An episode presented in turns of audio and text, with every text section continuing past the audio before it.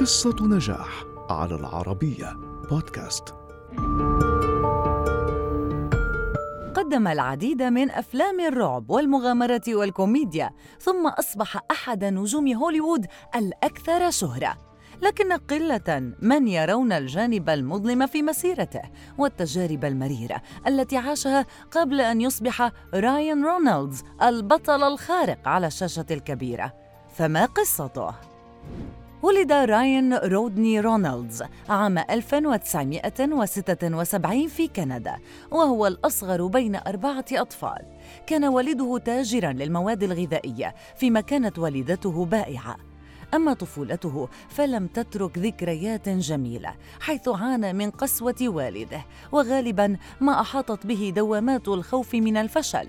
وعندما حاول الاتجاه إلى الدراما أثناء مرحلة الدراسة الثانوية تعرض أيضاً لإخفاقات كبيرة. ومع ذلك حصل على دور في المسلسل التلفزيوني Hillside الذي سمي لاحقا 15 بأجر 150 دولارا يوميا. وبالنسبة للشاب رايان كانت تلك ثروة.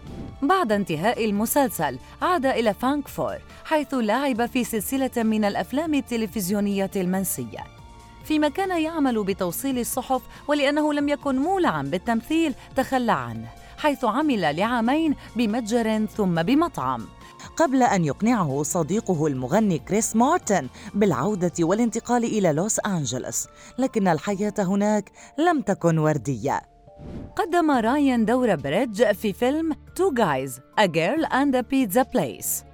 وهو العمل الذي تعرض للانتقاد الكثير ولم يحقق النجاح المنشود. مع ذلك تم التجديد له في موسم ثان فحقق نجاحا طفيفا مهد لرايان العمل في أدوار سينمائية جديدة مثل المشاركة في فيلم الرعب The Amityville Horror ثم ظهر في فيلم الحركة والمغامرة Men Origins Wolverine وقدم عرضا جيدا في فيلم The Proposal مع ساندرا بلوك ثم حصد بعض النجاح عام 2010 بعد عرض فيلم Buried.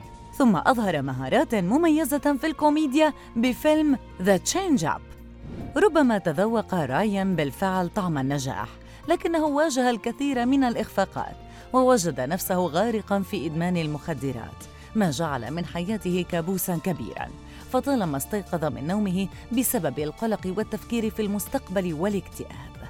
عانى أحد عشر عاماً من الشعور بخيبة الأمل. تلقى خلالها نحو 47 رسالة رفض قبل أن يحظى بفرصة الظهور بشخصية خارقة في فيلم Deadpool أحد إنتاجات سلسلة Marvel Comics عام 2016 الذي غير حياته. حصل رايان بفضل دوره في فيلم Deadpool على جائزة Golden Globe خلال مسيرته الحافلة قدم رينولدز أكثر من 62 عملاً وظهر في العديد من الأفلام الناجحة مثل The Hitman's Bodyguard Woman in Gold The Captive Free Guy Buried the Voices.